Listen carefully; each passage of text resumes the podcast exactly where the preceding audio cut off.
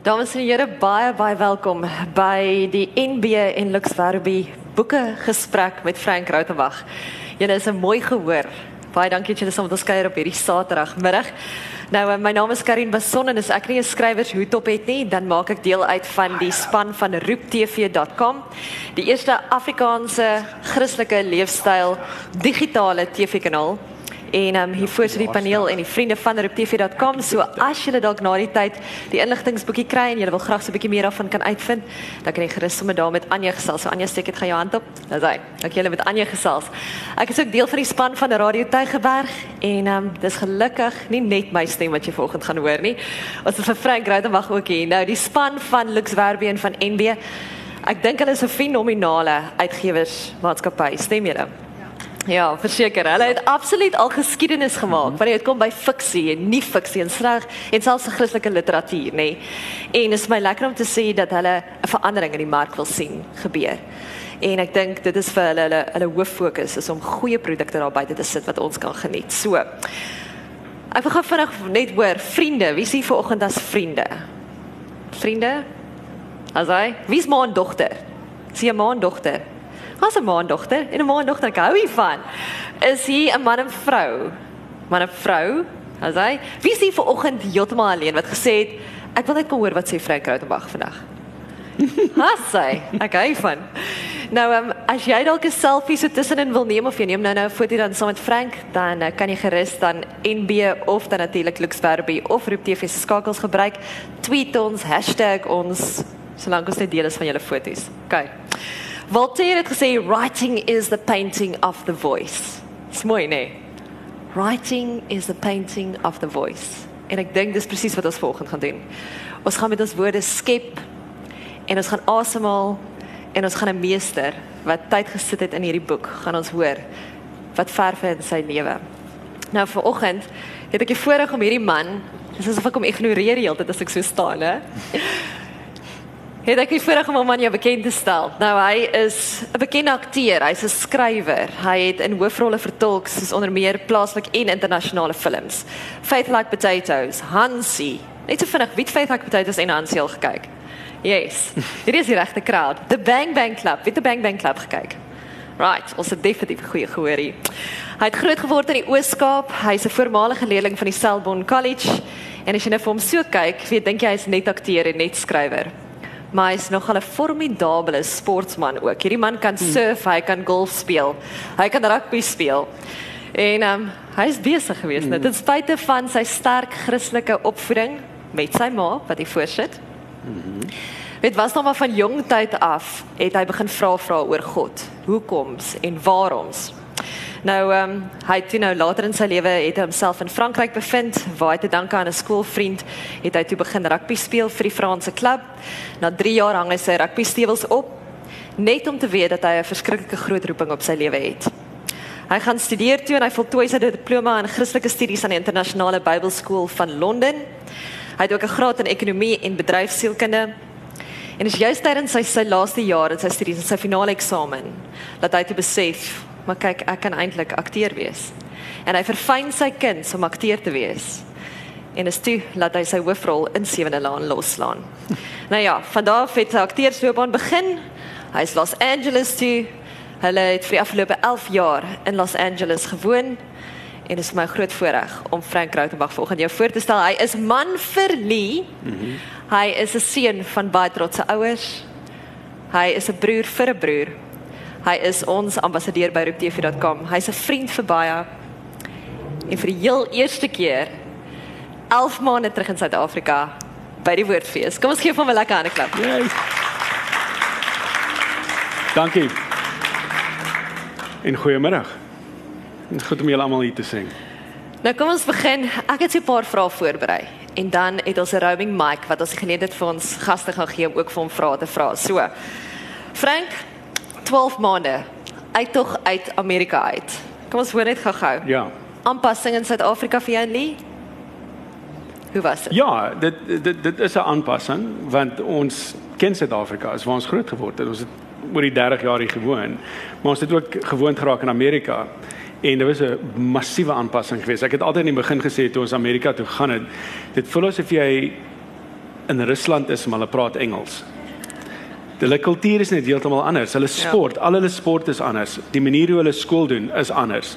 Die manier hoe hulle omtrent alles doen is anders en eh, belasting betaal is anders. Dokter toe gaan is anders en jy verloor al jou geskiedenis. Ja. Onthou jy jy weet al jou netwerke, al jou geskiedenis, al jou vriende, al jou eh, soos in Engels sê your common knowledge van hoe goed werk. Ek meen ek onthou die eerste paar keer toe ek en Lina soos soos 'n uh, Pick n Pay toe gegaan het. Is daar seker 150 verskillende tipe brode en as dan moet jy elke labeltjie lees van hierdie en wat? Wat het dit in? En alles het suiker in. Ja. So dis 'n massiewe aanpassing gewees vir 11 jaar lank is al wat jy doen. Jy jy sit net wortels, jy weet jy put your roots down en dan moet jy hulle optrek vinnig en dan kom jy terug Suid-Afrika en, en hier goed is baie dieselfde gebly en ook baie verander. So ja, ons ek dink ja, ons is ons dis nou al 'n jaar en ons voel nog steeds asof ons nog nog aanpas. Jy weet van die goed is heeltemal normaal en is soos in ons doen dit al vir 40 jaar plus en van die ander goed is net wat doen ons nou? So, ja, ja, maar so 'n proses. Nou ek het vroeër die week het ek juist met iemand gepraat wat weet ek praat met Frank vanoggend hmm. en ehm um, dadelik het iemand gesê hoekom het Frank teruggekom nou kort weergawe ons weet ons het jou gaan haal ja maar hoekom is jy ehm um, ek het eintlik teruggekom vir 3 weke ek is genooi om 'n uh, op die Finesse tydskrif se bootreis te gaan en 'n praatjie te doen uh, op die sonoggend dis nog gesnaaks geweest want op die vrydag aand want dit is 'n net girls bootreis geweest. Dis hulle almal daar met cocktails. Frank, ek was nie my foto. Jy weet. Toe doen ek my praatjie op die sonoggend sê. Frank, my man gaan nie dieselfde goed. So, dit was 'n kontras geweest tussen die twee. Maar ek het ek het 'n jol gehad, ek judge nie. Ek het 'n baie ek het 'n jol gehad. Dit was baie lekker geweest. Maar toe het ek 'n vriend wat Amerikaanse TV-reeks hier so skiet in die Kaap by die uh, Kaapstad Film Studios. En sy sê vir my luister daar's 'n baie lekker rol. Ek dink jy sal reg wees daarvoor, maar ek kan dit nie net vir jou gee nie. Jy moet jy weet die hele proses gaan en toe gaan ek maar deur die hele proses en toe kry ek die rol. En toe was dit 11:30 die Vrydag aand wat ek vir Lee moes bel 'n week na ek hier aangekom het en vir haar sê luister, uh, hulle het my vir 2 maande nodig. En en nou dis die hele ding met roep wat aan die gang. Uh gee jy om om ons woonstel op te pak op jou eie? so ja, ja, ek skuld daar vir die res van ons lewens. Dit was die deal en ons sal daarby staan. Maar ja, basies wat toe gebeur het en toe het ek met NB begin praat oor die boek want ek het klaar 'n boek begin skryf op daai stadium en toe het ek met NB begin praat en hulle was ongelooflik nice geweest en gesê luister kos doen dit en ons doen dit toe en ja het begin goed as rol en ek dink net wat ek persoonlik in my gees gevoel het is baie keer as ons op hierdie pad van die lewe loop ehm um, het die Here volle reg om vir jou te sê luister ek doen 'n nuwe ding sien jy dit. Maar okay, ons doen nou 'n nuwe ding en en ek dink dis hoe ons gevoel het. Jy weet, en dis hoekom dit nou al 12 maande later is en ons sê ons probeer nog aanpas. Sure. Ehm, um, want ja, dit was 'n harde jy weet, it was a hard left turn, soos ja. Engels sê, ja. Nou ons is vanmiddag hier want om een rede en een rede alleenlik. The Vagabond, wie het al hierdie boek gelees? Okay, right, so hele paar. Oh, en dan sou hele paar wat hom nog nie gelees het. Ah, jy het hom. The Vagabond. Hierdie is 'n opsomming van die laaste 11 jaar in Amerika, maar ook ja, jou lewe. Ja, en dit dip so 'n bietjie in, ja, is 'n memoir.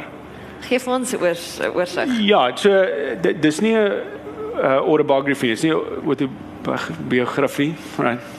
Ek werk nog aan my Afrikaanse woorde, maar dis 'n memoir en 'n 'n memoir wat wat anders is 'n autobiography is is ek 19 dit gebore en dis skool, dis wat ek geswaat het en dis my hele lewe storie. Um 'n memoir is meer soos 'n fliek. Daar's een spesifieke ding wat gebeur. Hulle in in in in skrywerstaal sê dit is 'n inciting incident en dit gebeur gebeur gewoonlik so 10 minute in 'n fliek in. En dan van daai punt af veral in 'n boek begin jy stories vertel om te wys hoe jou jy's die protagonis, protagonis. Ja. Hoe sy storie ook verander hoe hy hy was hierdie persoon hierdie deur het oopgegaan die inciting incident hy's deur daai deur en nou sou op 'n op 'n journey en hy het so verander en op die einde is hy heeltemal anders as gevolg van hierdie journey wat hy was en dis meer die styl van 'n memoir en ek het gedink dis die styl wat gaan pas om hierdie storie te vertel en die naam the vagabond um is 'n swerwer in Afrikaans en waar die naam vandaan kom is ek was toe ek 17 jaar oud was um het 'n Palme een Vrydagmiddag gebel. Dit was die 13 Oktober 1989. twee dae voor dit is my pa doodverklaar 5 voormiddag op die 11de Oktober. Maar toe 'n paar uur later is hy weer terug. En hy skryf toe 'n brief en want hy kon nie vir 4 dae praat nie, want hy het 'n pyp in sy keel en pype hier en oral. Skryf hy die briefie: Lief kinders, lief vrou, ehm um, bid vir Erbeen, het Jesus engel gesien. Woensdag 5 voormiddag. Nou wat vir my ma skokkend was is dat hy was al vir 2 en 'n half weke in ICU gewees. Hy het nie geweet wat se dag, datum, maand of wat. Nou weet hy wat die tyd was en wat se dag dit was. Ehm um, so was hy wel oud geweest, maar vir 4 dae kon hy nie praat nie. Hy het net hierdie kriptiek briefie geskryf. 2 dae later het besluit te bel my Pelmax by my meisie se huis en hy sê vir my luister, ehm um, my ma het 'n ou ontmoet deur 'n ander ou en hy het 'n seiljag en is in die hawe wil jy gaan seil? Want ons gaan oornag seil van ons Londen na Port Alfred toe omtrent so 140 km en dan gaan ons surf saterdagoggend en dan gaan eyeball eyeball is ons een pel se naam sy regte naam is Frans maar eyeball is eyeball omdat hy hy het 'n ek, ek dink hy het 'n senuwee vir dinge in sy oog en ons ons is altyd vir hom wine gums gegee want hy sê eet nou maak sy hele oog so en hy kan dit nie stop nie. So ons het hom eyeball genoem. So eyeball se maag gaan ons kom oplaai die volgende dag en dan gaan ons huis toe. Lekker cool. Ek gaan huis toe ek sê vir my ouma wat na ons gekyk, sê luister ouma, kan ek by Miles se huis bly die naweek? Ons gaan bietjie gaan surf hier in die kus op. Sê ja, nee, so right. Great, ek het permissie. Hier's ek hawe toe. En toe twee massiewe storms later was ons vir 3 dae verlore gewees op die see. Um Wolfs het ons amper uitgevat. Uh, uh, uh ons is in die uh, shipping lane in ge, gewaai oornag op die Saterdag aand want ons twee massiewe storms gewees en 'n massiewe freighter ship wat ons glad nie gesien nie. Ons het die ligte het nie gewerk nie, main sail het geskeur, engine het gesies, die radios het nie gewerk nie. Dit was 'n nagmerrie. En die oom op die boot, maar ek gaan dit liewer dat julle die boek lees. Ehm um, was 'n groter gevaar geweest as enig van die storms of die walvisse wat ons amper uitgevat het. En die boot se naam was The Vagabond. En my filosofie is ons almal is in dieselfde boot ons almal doen goed wat ons nie moet doen nie en dan kom storms. En daai storms leer vir ons lesse. Maar op dieselfde tyd beskerm hy storm jou van 'n groter gevaar wat jy nie eens van bewus is nie. Ek het eers 26 jaar later uitgevind wat daai gevaar eintlik was. En te besef ek daai storms het ons beskerm van 'n groter gevaar. En en die NC boek se titel is The Vagabond. Is your life worth living? Is dit moeite werd? So ja. Nou ek weet die mense wat son my al die boek gelees het, weet hoe goeie boek hierdie is. Nou ek weet vir my as onderhoud vir moet nou sê, ooh, hierdie is 'n baie goeie boek, maar dit is genuinely 'n baie goeie boek. Dankie, Karin. nou ek gaan vir julle net so vinnig die hoofopskrifte van die verskillende die, die inhouds um opgawe gaan ek net vir jou lees. Dit sê byvoorbeeld A Vagabond, The Beginning. Nou dit klink normaal, maar dan's een van die hoofstukke se name Oeps. Of counterfeit gods. Taxi Man, Living the Dream, Miserable Comforter, Confessions of a Cab Driver. Nou dis die hoofopskrifte van van die hoofstukke. Ja. Hoekom die interessante name en miskien mm. as jy dit verduidelik het, kan jy vir ons 'n stuk uit die boek uit lees. Ja, ek dink baie keer uh, hoe my kop werk. Ek ek weet nie of almal se koppe so werk nie. Ek het nou al toe ek 10 was, dink ek almal dink soos ek dink, weet. maar, maar nou nie meer nie. Ehm um, ek dink wat ek baie geniet is as jy vir my een ding kan sê en daai dinge het al die essence van wat daai hele hoofstuk oor gaan. Ehm um, en dis hoekom ek ek het letterlik daai hoofstukke weer en weer gelees en gesê okay, wat's die een woord wat beskryf of wat gaan weggee? So as jy daai hoofstuk lees en hy sing daai titel van die hoofstuk, dan gaan jy sê o ja, ek weet presies waar dit gaan. En ehm um, ja, en dit dis hoekom ek haar naam gekies het. Ek dink in in skryfwerk, ek weet as 'n akteur baie keer ehm um, die subtekst van wat jy doen in 'n toneel is is soveel meer belangriker as die dialoog. Die dialoog is soos die klein karretjie wat die inhoud behou, maar dis die subtekst wat die inhoud is. En daai woorde sal dan meer die subtekst beskryf as wat dit net die woorde beskryf as dit sin maak. Is dit 'n kronologiese uitleg? Nee, nie noodwendig nie. Nee. Nee, ek dink weer eens soos 'n soos 'n soos 'n fliekwerk.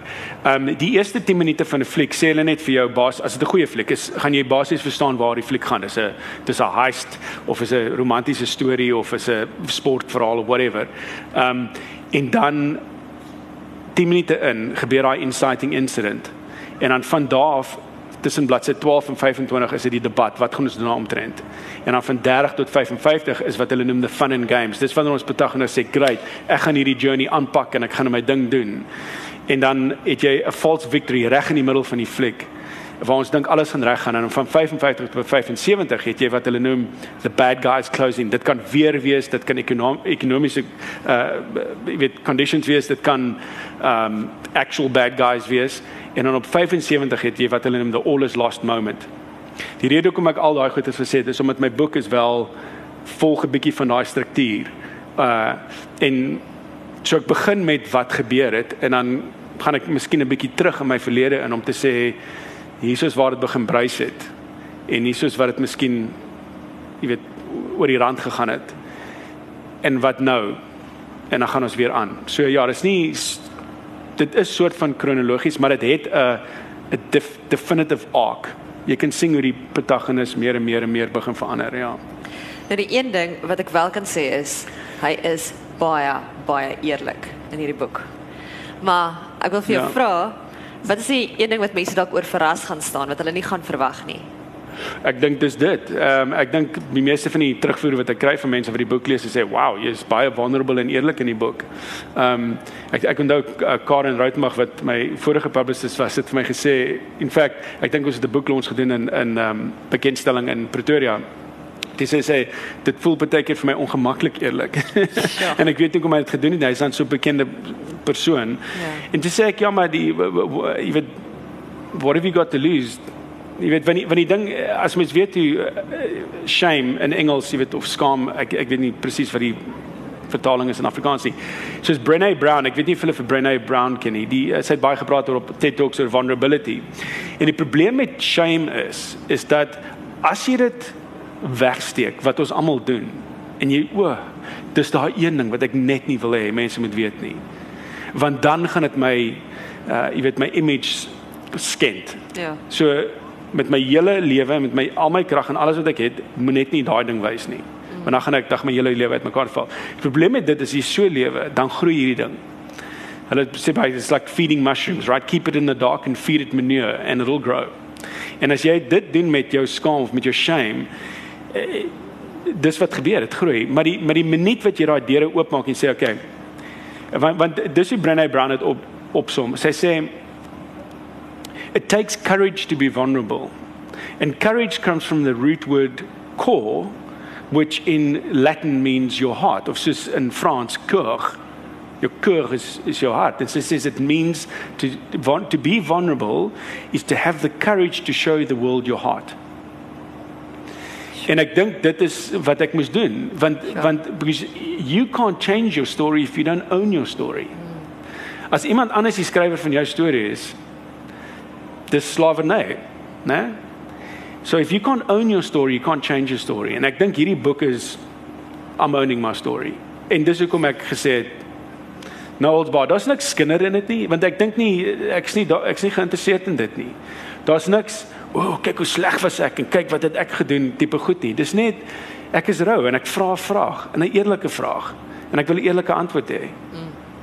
Want eh, want ek was begin dit nou vir julle mooi Afrikaans sê, ek was gatvol vir sukkel. Ek was gatvol vir onwaarhede. Ek was gatvol vir iemand wat voor in 'n kerk staan en sê doen dit en dit gebeur. En ek sê sien ja, maar die lewe operate nie so nie. Jy weet as jy die boek van Job lees, gaan jy baie mooi leer dit operate nie so nie. En dis hoekom ek letterlik gesê het, okay, stop die lorry. Here wees eerlik met my en as ook stukke goed in my is, sê vir my, dis beter vir my om te weet dat ek beter kan raak as wat ons net daai shame wegsteek. So ja, dis hoekom die boek eerlik en rou is. So as jy vir oggend jy moet net gatvol geroeg raak. En Frankfurt 'n gatvol is. dan is die boeks verseker vir jou. Afrikaans praat baie lekker. Ons het nou met Marlies gesien hoe lekker Afrikaans praat. Sien. Dis tong. Fiets en Paul Fasser. Dis presies om goed te sê. Daai maase uit haar hart uit. Ag my kind kon sy ook gesê het, maar sy het die regte ding gesê. Ja. Nou, ons gaan vir Frank kans gee. Wie hulle 'n stuk hoor uit die boek uit. Okay, kan ek julle 'n klein stukkie lees? Sit net julle hande op as julle gatvol is. Daar ek is nou dis kan 45 so. Dis my interessant, hierdie Solusa 45. Ek onthou in die 80s toe ek groot geword het, hoor ek heeltyd van Solusa 45. Ek's nou by Solusa 45, maar wat was dit? Never knows, nee. Ek wil net 'n klein stukkie van die begin van die boek lees. Ek dink hierdie is die dis die fondasie vir my filosofiese denke van bietjie van hoekom. So, ek gaan the beginning. I made my entrance into the world on a Friday. The date was 12 May 1972. History books and Google searches indicate that this was a pretty uneventful day as far as world events were concerned. BJ Foster was still in office as South Africa's seventh Prime Minister. The Cold War was simmering in the background, and Roberta Flack's hit, The First Time Ever I Saw Your Face, was the number one hit on the Billboard charts. Apart from my parents seeing my face for the first time, I think it's safe to say for many people in the world, 12 May 1972 was just another random day. But for me, it was my birthday. And birthdays are special and they have this magical, almost sacred feel about them. Deep in our hearts, there seems to be a feeling or a hint that we did not arrive on this planet by accident, that somehow we were created with intention. And if we can still our hearts long enough, we find there a longing to know what we were made for. Of course, our parents played their part in the story of our creation, but even they are surprised and overwhelmed when we finally make our appearance, like they were given the most precious gift. Why, for the most part, do we as humans respond like that? Why is life so precious? Why does it feel like there's an intention to our lives and we can't help seeing it as a gift, even though we get to play a part in creating it. I personally believe that the answer lies in a few lines taken from a poem written by the great Hebrew king David. You made all the delicate and inner parts of my body, and you knit me together in my mother's womb. You saw me before I was born. Every day of my life was recorded in your book. Every moment was laid out before a single day had passed taken from Psalm 139, verse 13 to 16. This poem tells us that long before King's da- King David's parents even had the desire for a child, God already had plans for him. This beautiful poem was not written for David and Israel's sake alone, it was written for all of humanity. Your life and my life are as sacred and as special as this poem describes. Its words are in the strands of the DNA God created and used to knit us together. And that is why there's a shadow or a hint in us that maybe, just maybe, we were made for a purpose because we were certainly made on purpose. Now, with all this intention and purpose, I must believe that 12 May 1972 was not just a random day for me to be born on, it was a day God handpicked just for me. Now, I don't think I will ever fully know the reasoning behind his decision, but as time goes by, I'm still discovering the courage to believe that every day of my life was recorded in your book. No one's birth is random. From God's point of view, then, if our lives are worth making, well, then surely they must be worth living. But what happens when the truth of those words is not the truth of our lives? When, for whatever reason, we feel that our lives are just not worth living anymore? Maybe you're a Christian and you've heard that God wants you to have your best life now, but it feels more like you're living your worst life now. Maybe someone prophesied a great future and a hope over you. Well, it's been years, but nothing has changed for the better in your life. Or someone did prophesy a very accurate word over you, one that you deeply identified with, as if they were reading your heart's thoughts, and you knew in an instant that God was speaking to you about your future, that God was calling you. There was great excitement, and you felt like you were walking on clouds. But now you berate yourself for being so naive, for believing such nonsense, because nothing that you thought was going to happen has played itself out as you expected it would. Maybe you've walked away from your faith, disillusioned by how much you struggled just to keep things together while waiting on God to fulfill His promises. Well, perhaps you grew up in a country where, based on your race, you were discriminated against. No thanks to the injustice of this system, you could never reach your full potential. Well, the truth is, it's heartbreaking when broken dreams or dashed ex- expectations leaves our lives high and dry. Even more overwhelming is when you realize your dreams can never be fulfilled because you simply can't get those years back. To defend ourselves against the onslaught of unfulfilled dreams, we hide the pain by finding a level of despair that we can tolerate and then call it happiness, as Danish philosopher Soren Kierkegaard said. Well, if you're young enough, you might simply say that, yeah, I'll live to fight another day. What happens when you run out of days? Well, you simply don't have the energy to fight anymore. Or you got what you wanted, but as many celebrities and billionaires have discovered, it still wasn't enough. That's when we might find ourselves accumulating despair or realizing how despairing we really are. Dealing with disappointment like that has a limited shelf life. Years of hoarded despair will leave your heart and mind clouded with painful memories of unmet expectations until all you can think is, my life is not worth living anymore. So when our lives feel like they're not worth living anymore, who can we look to for hope? Well, any well meaning Christian might say, well, you need to speak to God, right? But what if the person you feel most betrayed by is God? You find in your heart a bitterness and an anger that you can no longer control. And all you can think, all you can think of is, where was God when it all went down? Why didn't He have my back? If He's the all powerful, all knowing, all seeing God of the universe, how could He let this happen to me? Well, I know how you feel. Woe. I say, wie is um Wie is die laaste 12 maande dalk deur iets baie erg?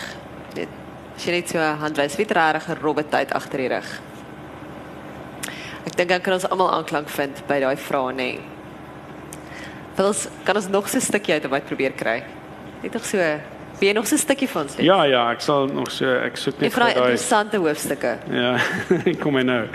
Uh ek sê uh, Hierna gaan ons die mikrofoon rondstuur en as daar enige vrae is van die gehoor, dan kan jy gerus vir vir Frank vra, maar Ehm um, ek sal gou die in preface met die inciting incident het gebeur. Ek, ek kan julle glad nie sing nie as ek die bril aan het.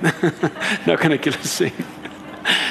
Die inciting incident as ek in die as ek praat in 'n fliek, daai een ding wat gebeur wat ons protagonis op 'n weet 'n journey stuur wat nooit verander nie. Ehm um, het vir my gebeur in November 2011. Ehm um, dis November 2011 net voor ek 40 word wat ek wakker geword die aand en net 'n ek het 'n nagmerrie gehad, hè. maar toe ek wakker word het ek 'n 'n angsaanval, panic attack. En jy weet mos gewoonlik as jy wakker word van 'n van 'n nagmerrie en almal is dood in jou familie, jy maak jy oop, en, o, okay, oh, okay, almal is nog hier. Kry, ek kon slaap weer. Die probleem was ek was meer angstig geweest toe ek wakker was as wat ek was in die nagmerrie. Toe dog met myself, laat ek weer aan die slaap raak. Dis ek ek het letterlik dis asof ek so terug aan daai nagmerrie instap. Toe dink ek nee, staf dit word weer wakker, dis ek net so weer aanspan en dis waar die ding heeltemal begin skeefloop het.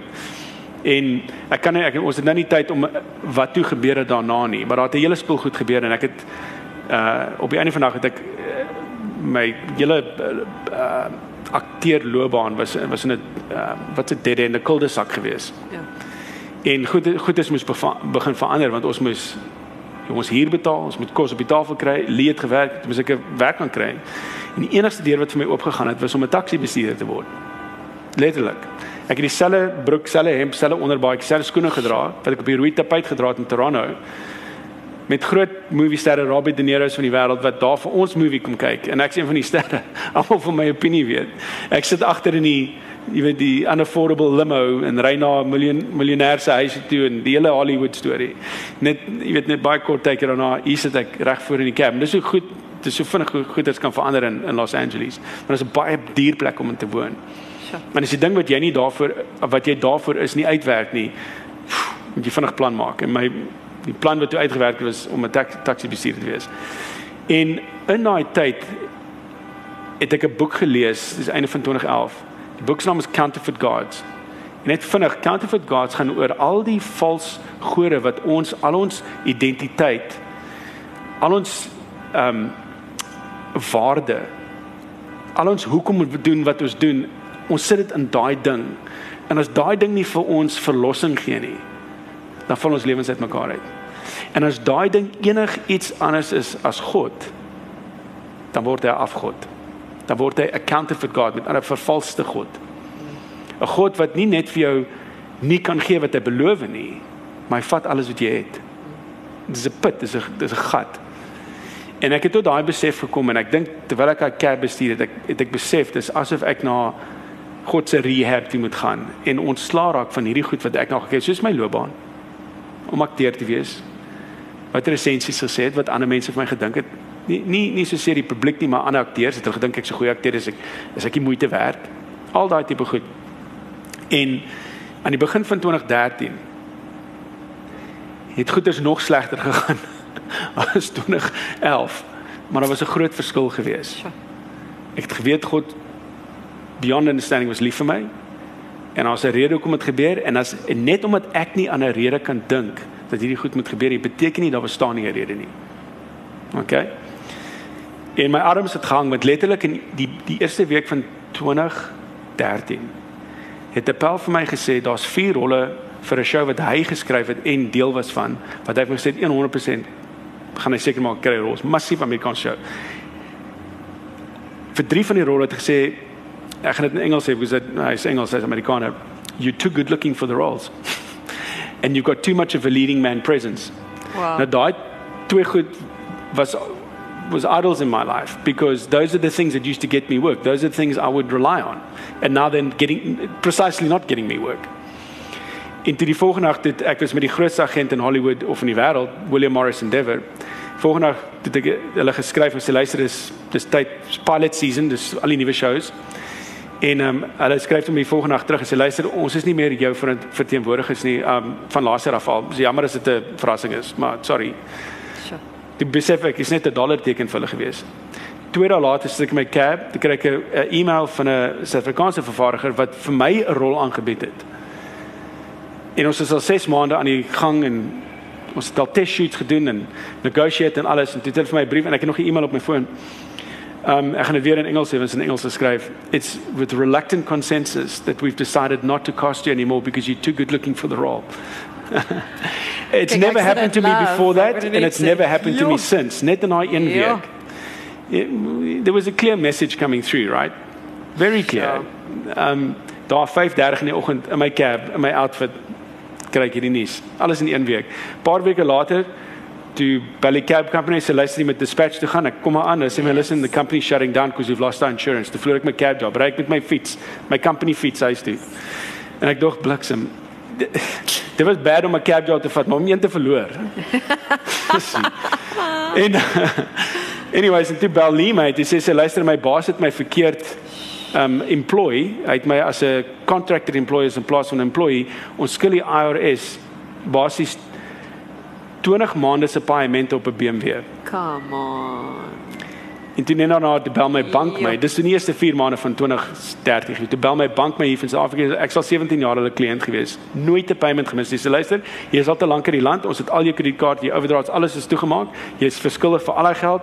Legal precision klaar begin. Hier is die lawyers, praat met hulle of betaal die geld. That's it in the story. As jy terugkom Suid-Afrika, kan ons jou arresteer by Arrow Timber. Dis die eerste 4 maande se house it van van van 2013. Okay. Sjoe. The difference between November 2011 and the start of 2013 was that I knew God was not to be blamed. I knew as the scripture says in Romans 8:28 that in all things good weather bad weather God works for the good of those who love him. But that didn't stop me from feeling utterly defeated and confused. It's obvious to me now that he was dealing a blow to the idols of my heart, but at the time I had no idea what he was up to. So, to try and make sense of it all, I decided to go and see a trusted friend. When I got to his place, I told him what was going on and said I had no explanation for why all this had happened to me. I was hurting and could not make sense of it all. I asked simply if he could just pray for me. I really needed someone to just feel with me and stand with me in my trial. My arms were hanging. The first few months of 2013 had beaten us up properly. Instead of praying for me, my friend took it upon himself to explain to me how one needs to find your sweet spot in life.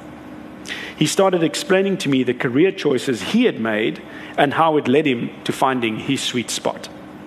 In other words, the reason I found myself in my current circumstance was because of a lack of strategy. I listened to him ramble on for almost an hour, all the while thinking, I found my sweet spot career years ago. I'd lost it, and I'm wondering how to deal with that. I felt like a patient who had gone to a doctor with an open wound, and instead of binding it and putting stitches in, he managed to widen it further with unskilled hands. By the end of it all, my wound was bleeding freely. I'd experienced what Job, the biblical character, describes as a miserable comforter. Someone who gives you simplistic answers to the complexities of life, especially when it comes to suffering. I saw my wife shortly after that, and she didn't need to ask me how it went. She could see the distress on my face. I couldn't talk to her about it. As I thought about it, I realized it wasn't about finding my sweet spot in life, it was about following God. What was God doing in my life? Well, I knew He wasn't opening doors for me in my sweet spot career of acting. That much was obvious. And I remembered an old saying Lee and I would use when life just didn't seem fair I don't want it broken.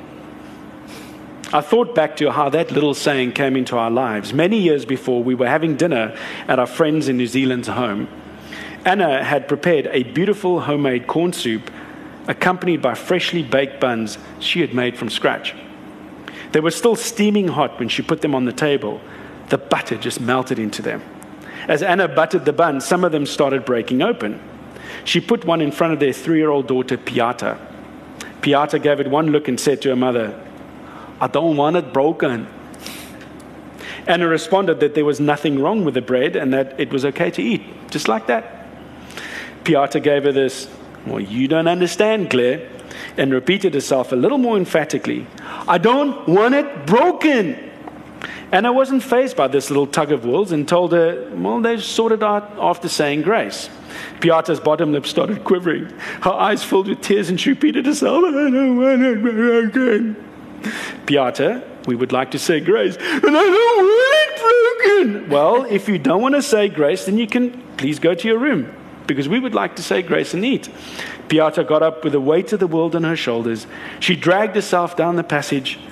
With shoulders slumped, she gave us a teary look that said, You adults are so unfair and unreasonable. And as she walked to her room, she kept repeating, I don't it broken. Her room was just down the hallway, and from her door, she could still see us. Tears streaming down her cheeks, she said, I don't broken. By now, we had to look away because all of us were getting the giggles. This kid's determination was something else. Anna very calmly told her to close the door because we wanted to have dinner without her whining. If she decided that she was done, she was more than welcome to join us at the table again. She went into her room and closed the door, but she was not done. With her mouth on the keyhole, we heard a very muffled but very determined. we couldn't hold it anymore, and we oh, just all burst out laughing. And in that moment, it dawned on me that my prayers often resembled three year old Piata Sure. whining in her room. And that was how I felt that day, sitting in my car, feeling so sorry for myself. God, I don't want it broken. Anna had given us her best version of corn soup and freshly baked buns. It was delicious.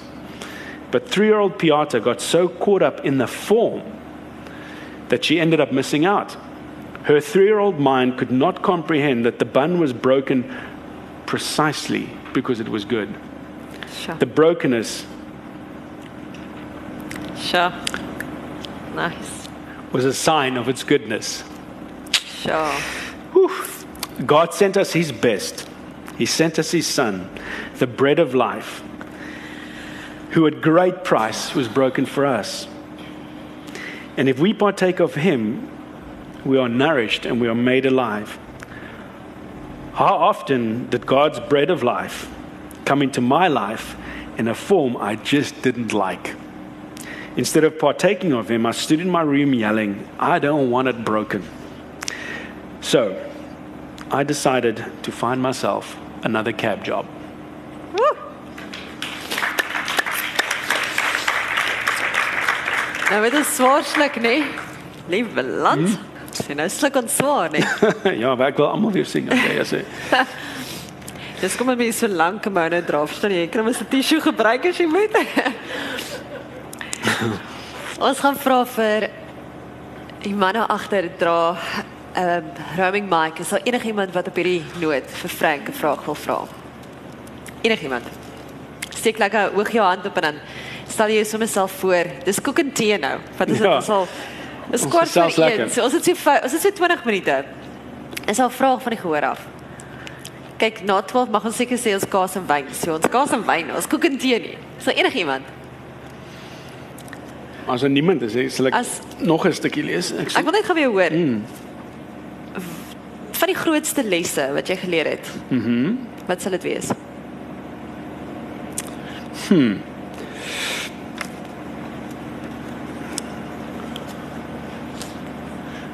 Dat ons doof, blind en oppressed is sonder dat ons dit weet.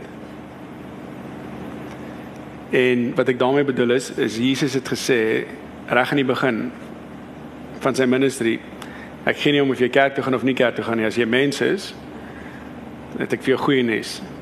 Ek gaan jou oë kom oopmaak, ek gaan jou ore kom oopmaak, ek gaan jou hart vrystel.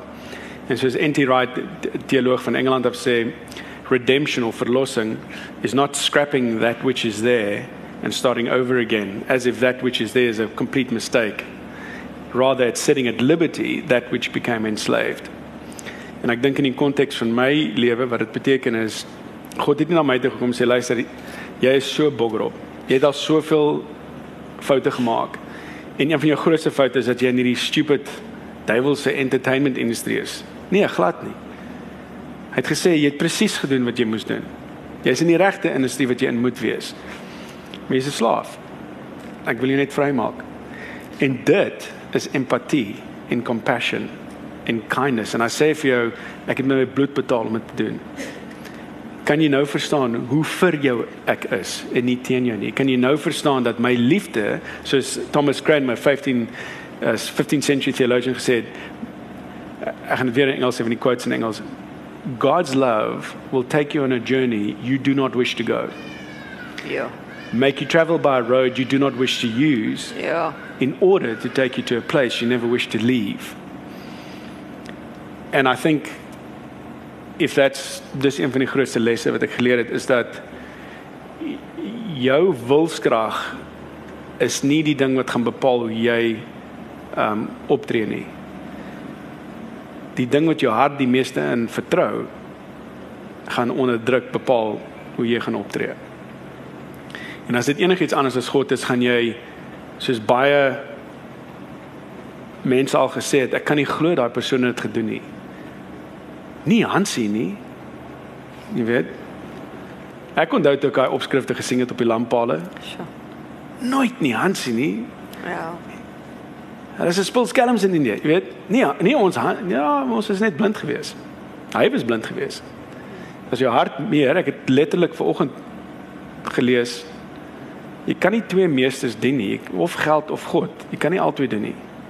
Een gaan jou meester wees. En jy kan 'n religious facade hê soos jy like. Maar op die einde van die dag wanneer jy onder druk is, die ding wat jou hart in vertrou, is die ding wat gaan bo uitkom. Hy gaan wen 100%. En ek dink baie keer ek sê uh een van die grootste lesse wat ek geleer het is hoe is is ek het die eerlikheid geleer van hoe hoe ek verskil van Jesus want Jesus God sê vir die Israeliete in Deuteronomium 8 vers 2 sê vir hulle en julle gaan my onthou hierdie laaste 40 jaar wat ek julle deur die woestyn gevat het en die rede is I wanted to humble you and I wanted to show you what's in your heart. Okay? Daai sin alleen sê vir jou jy weet nie wat's in jou hart nie. Nie tot hy jou toets nie. Sjoe. Okay? So Jesus Ja. gaan wildernis toe. Die duiwel tempt hom, hy het vir 40 dae nie geëet nie. Die duiwel tempt hom. Hy weet presies wat om te sê, wanneer om te sê en dit is 'n besluit vir hom gewees. Dis nie 'n Ja. outomatiese ek het die antwoord gekry op die Ja. bladsy nie. Ek meen Ja. dit was 'n it was a decision wat onthou. Toe hy vir die die duiwel hom gesê het, luister, ek wys vir jou alles. Alles wat jou hart begeer. Aanbid my net. Wat hy vir hom gesê het is, luister, ek weet jou pa het vir jou gesê jy gaan alles kry. Maar jou pa het ook vir jou gesê jy gaan doodgaan om dit te kry. Ek het 'n beter deal. Jy hoef nie dood te gaan nie. En dis wat ons almal face, jy weet. En hier pas dit, maar toe ek woestyn toe gegaan het. Toe my klippe nie in brood verander, het, eet ek maar die klippe. Breek ek my tande, toe raak ek desperaat. Toe sê ek, wat, wat wat moet ek doen om te kry wat ek wil hê? Toe spring ek maar van hoë geboue af. Sjoe. Omdat God genadig is, is ek nie dood nie, maar ek het bene gebreek en toe raak ek eers dis dis die regte woord bedonder desperaat. Want jy begin nie meer reguit dink nie. Toe sê ek, wie moet ek aanbid om te kry wat ek wil hê? Jo. En dis die verskil tussen my Ja. en Jesus en toe ek dit agterkom, toe dink ek, "Oh my goodness, hoekom het ek ooit gedink ek kan voorsit in die bestuurwiel vashou?" Ehm um, jy weet wat die ding is, jy maak jy maak ander mense ook seer. En iemand het my ge- een keer gevra, jy weet wat wat se berou het jy? Sê ek ek het nie eintlik 'n berou oor enigiets behalwe die mense wie ek seer seer gemaak het nie. As gevolg van my jy weet eie mission. So, ja. Enige vrae? Baie happy note. Is daar 'n vraag van iemand af? Ons gaan nie die gelede vir jou wegvat nie. Ons het so so 12 minute. So is daar enigiemand wat 'n lekker vraag het? Ek dink ons moet 'n bietjie humor inbring. Ek Ek het 'n storie. Ek het hom. Okay, okay, gaan. Ek ek weet gaan wel ons nou net 'n baie ernstige notas. Ek hou altyd daarvan om 'n boek oop te maak en dan kyk ek altyd aan wie skryf die persoon en wie draai die, die boek op. Want dit wys altyd 'n mens se hart klop, nê, nee, en waar sy hart lê. En dan natuurlik die tagline. Want die uitgewers werk baie saam met 'n mens en so, maar dit op die einde van die dag lê dit ook in sy hart. En in die boek word genoem The Vagabond is your life worth living. Dis 'n groot vraag nê nee, wat een elk vir ons moet vra. En dan sê hy, dedication to Lee. My fellow adventurer, you know me and still you have loved me. You are the greatest treasure God has given me. Woe, nou sluk ek weer swaar. Ja. Wat beteken daai ondersteuningssisteem vir jou? Um Tim Keller as 'n pastoor wat 'n Redeemer Presbyterian, hy's die stigter van Redeemer Presbyterian Kerk in New York City en hy het al baie baie boeke geskryf. Ek dink hy's 'n great denker, philosopher whatever. En hy het gesê, hy het gesê the greatest thing in life um is to be fully known yet fully loved. Want dit nou dink aan fully known wat dit eintlik beteken. Dit's eh, al jou stikkendheid, al jou bedingendheid, al jou stuff en ook oor jou goeie goed. To be fully known yet fully loved. I mean that's the most secure place you can ever live and dis God se se vibe teenoor ons. En ek dink in in in my geval met Lee, ek het dit al 'n paar keer so beskryf. Ek dink baie keer het ek gesê sy het gebreekte glas getroud. En ehm um, soos ons gefight het om by 'n heel bottel te kom, het sy baie gesny geraak en en dis wat ons doen met met mekaar en en en dis daai wat sy van my ken. En still she loved me. So, ja, dis wat dit beteken, ja.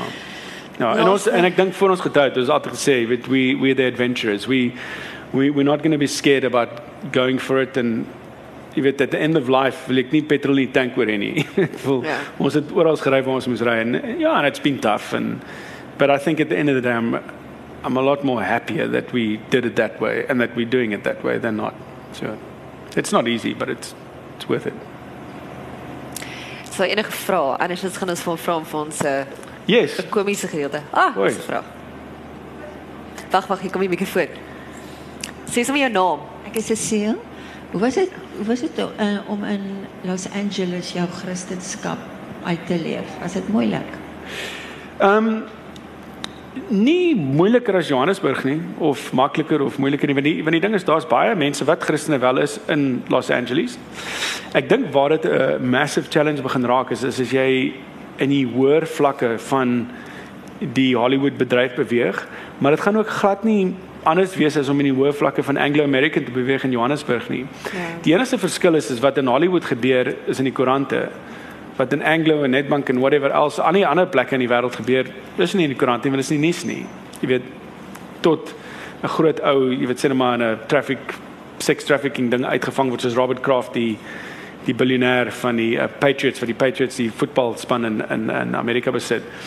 Ehm um, ek dink die die uitdaging van Los Angeles is dis 'n baie baie moeilike stad om in te woon. Want uh, enigiemand wat 'n droom het oor die vermaaklikheidsbedryf trek Los Angeles toe.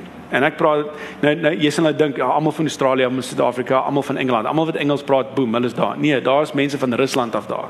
Daar's mense van China af daar. Daar's mense van Uzbekistan wat 'n droom het oor Hollywood. En al daai mense kom Hollywood toe. En die en die, die moeilike ding van Los Angeles om te beskryf is daar's amper 20 miljoen mense, helfte van Suid-Afrika, wat ja. in die Greater Los Angeles woon. En almal het 'n kar en ons verkeer konstant en dit hou nooit op nie. En die intensiteit van die mensdom daarso is off the charts want almal kom met 'n plan van redemption. Hulle soek vir niks minder as my droom moet waar word en hy moet vir my alles gee waar waaroor ek nogal gedroom het in my lewe. En die realiteit is 1% van die mense kry daai droom en dan commit helfte van hulle suicide in elk geval. Weet in Amerika in 2017 the land of the free and the home of the brave 47000 mense het selfmoord gepleeg. En van daai 47000 sê hulle die ehm um, die research toon dat ten minste 280 vir elke een net probeer of ernstig haar gedink. Dis 13 miljoen mense wat gedink het my life's not worth living anymore. En die een vrou wat 'n 10 jaar survivor is, het in die USA today geskryf, 'n artikel geskryf oor. Dis sê I'm so glad someone found me and I failed at it because I didn't want to die. I just didn't want to live anymore. Net die ligte afskakel. Sjoe. En 72000 mense net in 2017 alleen is dood aan um drug overdoses. And the biggest killer was fentanyl, is a painkiller. I checked it up. It's a painkiller. Mense, want dit gedink is 'n um, na na kotiseerde ja, it's it's it's a combo deal, maar dis wat hulle vir mense gee as in operasie. Dit's 'n hectic drug, fentanyl. En en wat dit wat wat wat frightening daarvan is is dat in die Vietnamoorlog tussen 1960 en 1970 is daar 58000 soldate dood, Amerikaanse soldate dood in daai hele oorlog. Dis 14000 mense meer wat dood is aan drugs net in 2017 life's not worth living. Verstaan jy? So en die ding is dis nie die ou wat in die straat sit en bedel vir geld. Dis dis die miljonair wat dit gemaak het en waar gaan dit nou? Jy weet, dis Anthony Bourdain wat 'n ongelooflike suksesvolle karier gehad het. Kate Spade wat 33 miljoen dollar se fashion industrie gebou het. So ek sê sê die uitdaging van daar woon is nie net omdat Los Angeles of Amerika is nie. Dis actually die hele wêreld in een plek en almal kom en onthou elke maand is daar seker 100 000 mense wat daar aankom met massive expectations en as 100 000 mense wat waai met die wat heeltemal stikkend is. Hulle het alles verloor. Nou trek hulle met hulle sterre tussen hulle bene en waai hulle. So you can imagine daai malkolk wat die hele tyd draai in daai plek. Ek sê altyd Los Angeles het nie identiteit nie en dis sy identiteit. Want dit voel asof daai plek elke 3, 4 weke verander.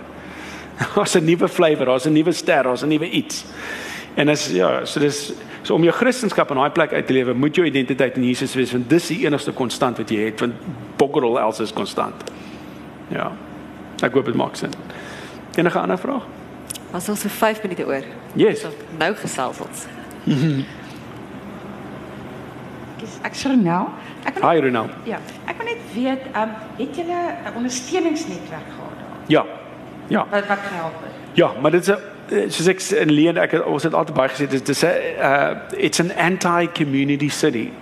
En die rede hoekom dit 'n anti-community city is, is dat almal wat so intoe kom wil die regte ou ontmoet of die regte vrou ontmoet waar hulle wat hulle gaan kry waar hulle wil wees.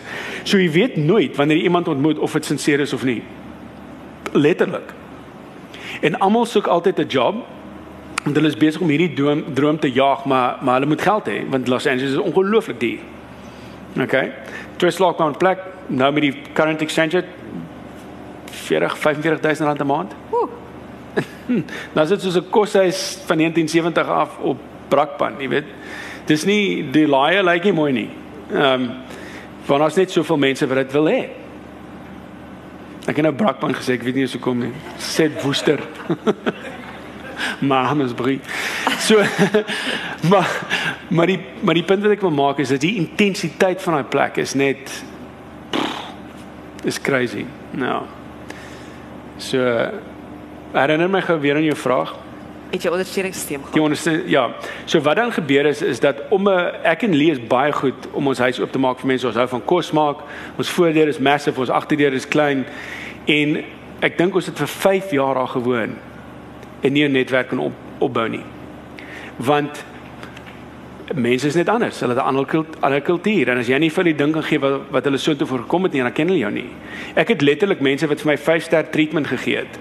Tickets vir die Staples Center se privaat losie vir die NHL game wat unaffordable is, VIP parking, omdat ek hulle gedink het ek gaan vir hulle dollars maak. En dan letterlik nie vir jou kan bel om te sê hulle het jou gedrap as 'n kliënt nie. Daai kontras gebeur die hele tyd. So jy weet nooit wie's waar en wie's nie. Selfs in die kerke. Mense join die kerk om te kyk wie hulle kan ontmoet sodat hulle kan kom waar hulle moet kom. Ja, dis woes. Dis woes. Maar ons het toe, jy weet, ons het toe 'n baie baie hegte vriendskap met mense begin opbou. En ehm um, en as jy daai vriendskappe bou, dan s'hulle for life want want dis 'n daai cauldron van craziness wat jy daai mense ontmoet en hulle sien jou en jy sien hulle. Jy weet so. En ek het vir hulle gebraai. Ek het hulle harte gewen met 'n worsie en 'n chop. Eerlikheid, nê? Nee? Liefde wen. Sou nog 'n laaste vraag want ons het letterlik 2 minute hoor. Sou nog 'n laaste vraag van iemand? Ek wonder of ek genoeg tyd het om hierdie storie te lees. Ek sal hom gou lees. Gou lees. Okay, gou lees. Okay. Hierdie was toe ek 20 jaar oud was in Londen. Hierdie is 'n flashback. The following year, the modeling competition was firmly in my rearview mirror. Ek was in so 'n Face of Britain 92 miracle competition dan gewees. I decided to refocus my attention on my studies to stick by Bible College was, on how I was going to pay off the large chunk of college fees I still owed. Every time I received money, either from my parents or an odd job, it would go towards paying my fees. I had a payment card in which, which I proudly tick off every time I was able to make an entry. There were entries as little as 10 pounds on it. It was, a, it was slow going, and I looked for any opportunity I could get to make some extra cash. Then one day, one of the lecturers from the Bible College Creative Arts School asked us who would be up for appearing in a movie as an extra. Apparently, a production company was shooting a movie in the area and had heard about our college. Perhaps the students wanted to earn some extra money, they reasoned. It was only for a few hours every other day, most of us being cash strapped. A lot of us volunteered. The movie was about the early days of the legendary British band The Beatles. Backbeat was the movie's name, was set uh, when they were still a five piece band, largely unknown, and they were trying to make it in the early 1950s CD club scene of Hamburg, Germany. Hollywood actor Steven Dorff played the lead character. The extras coordinator had come to the Bible College to take Polaroids of all of us, and we filled out our forms and names and measurements. Arriving on set a few days later, we were taken into a room with the rails and rails of clothing from the 1950s. It was all very exciting, actually. A wardrobe mistress picked out outfit for us. We got dressed and reported to the extras coordinator, who led us onto the set. Dressed like a CD bar with a stage, it featured a drum kit and a single microphone. I wondered where the rest of the band's instruments were. The crew were running around making last minute adjustments to the lights and the props.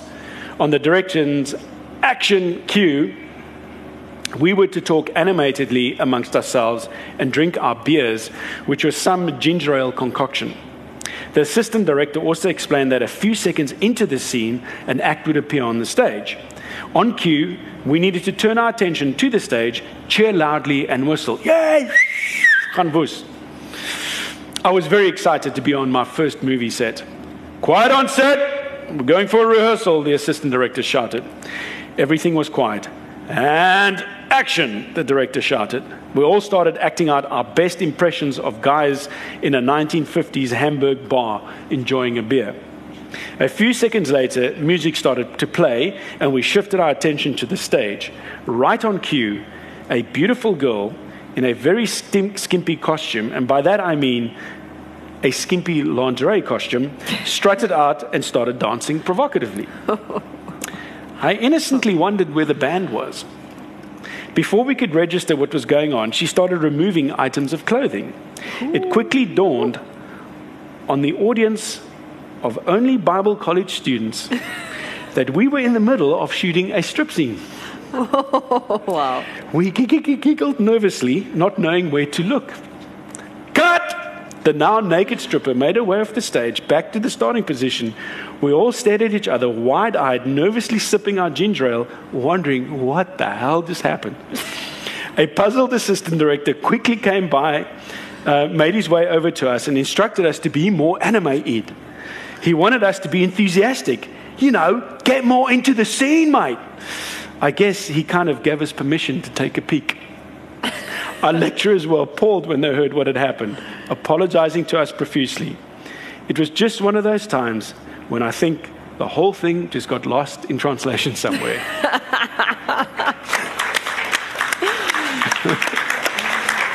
Nou we're bearing it all vanmiddag hier op die stage, hoor. ja, nee. Ons moet uh, klaarmaak. Reg. maar um, ons wil heel eers Frank sê baie geluk met 'n ongelooflike boek. Ek dink Lux Verbi en MB het 'n ongelooflike goeie taak gedoen met hierdie boek. Ehm um, hierdie boek is te koop dan nou hier in die boekwinkel. Frank het 'n baie interessante handtekening. Regtig, jy moet hom kom uitdraai. Nee, regtig, glo my. Kom kyk vir Dis jouself my jy wil sien. official handtekening. Is sy official unofficial handtekening? Dit gelyk soos 'n seekat.